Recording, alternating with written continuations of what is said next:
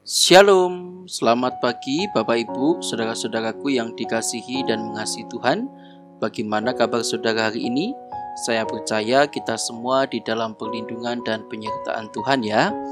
Firman Tuhan pada pagi hari ini terambil dari kitab Yakobus pasal yang kedua ayat 18. Demikianlah sabda Tuhan. Tetapi mungkin ada orang berkata, padamu ada iman dan padaku ada perbuatan Aku akan menjawab dia, tunjukkanlah kepadaku imanmu itu tanpa perbuatan, dan aku akan menunjukkan kepadamu imanku dari perbuatan-perbuatan. Bapak Ibu, saudara-saudaraku yang dikasihi Tuhan, izinkan saya bertanya kepada setiap kita saat ini, bagaimana kita dapat yakin mengenali seseorang dan kita bisa percaya kepada orang tersebut? Meskipun orang itu baru saja kita jumpai. Tentu menjadi hal yang tidak mudah bukan? Kalau kita mau percaya kepada orang, tapi orang itu baru saja kita kenal. Tentu saja tidak ada yang dapat bisa memastikan sifat dan karakter seseorang sampai kita benar-benar melihat kebiasaan dari perbuatannya setiap hari Bapak Ibu. Identitas seseorang akan dikenal melalui perbuatannya. Perbuatan sederhana seperti membersihkan, misalkan merapikan rumah, cukup mencerminkan sifat yang rajin dan mencintai ketertiban. Membantukan kerja yang kesulitan, itu cukup membuktikan seseorang punya empati. Misalkan lagi, mengalah dan memperkecil konflik. Hal itu juga cukup membuktikan kedewasaan seseorang, Bapak Ibu. Namun, siapakah yang dapat mengenali seseorang hanya melalui perkataannya saja? Tentunya tidak ada yang bisa memastikan, bukan? Identitas seseorang hanya melalui perkataan, karena tindakan berbicara lebih keras daripada perkataan. Bapak, ibu, saudara-saudaraku yang dikasihi Tuhan, begitupun dengan identitas kita sebagai orang beriman satu-satunya jalan untuk menguji dan membuktikan iman kita adalah dari perbuatan kita sehari-hari yang sesuai dengan teladan Yesus atau tidak. Kata-kata kita dapat dengan mudah mempromosikan diri sebagai orang Kristen yang saleh. Tetapi Bapak Ibu, apakah benar bahwa perbuatan kita sudah berjalan dengan perkataan kita? Hmm, Tampaknya kita perlu hati-hati dengan apa yang kita perkatakan, namun tidak kita perbuat.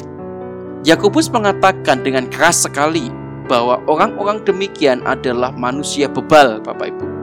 Sebab misalkan dikatakan engkau percaya bahwa hanya ada satu Allah saja, itu baik. Tetapi setan-setan pun juga percaya akan hal itu dan mereka gemetar bahkan. Yakobus meneruskan bahwa iman tanpa perbuatan adalah iman yang sia-sia atau bisa dikatakan tidak bermanfaat.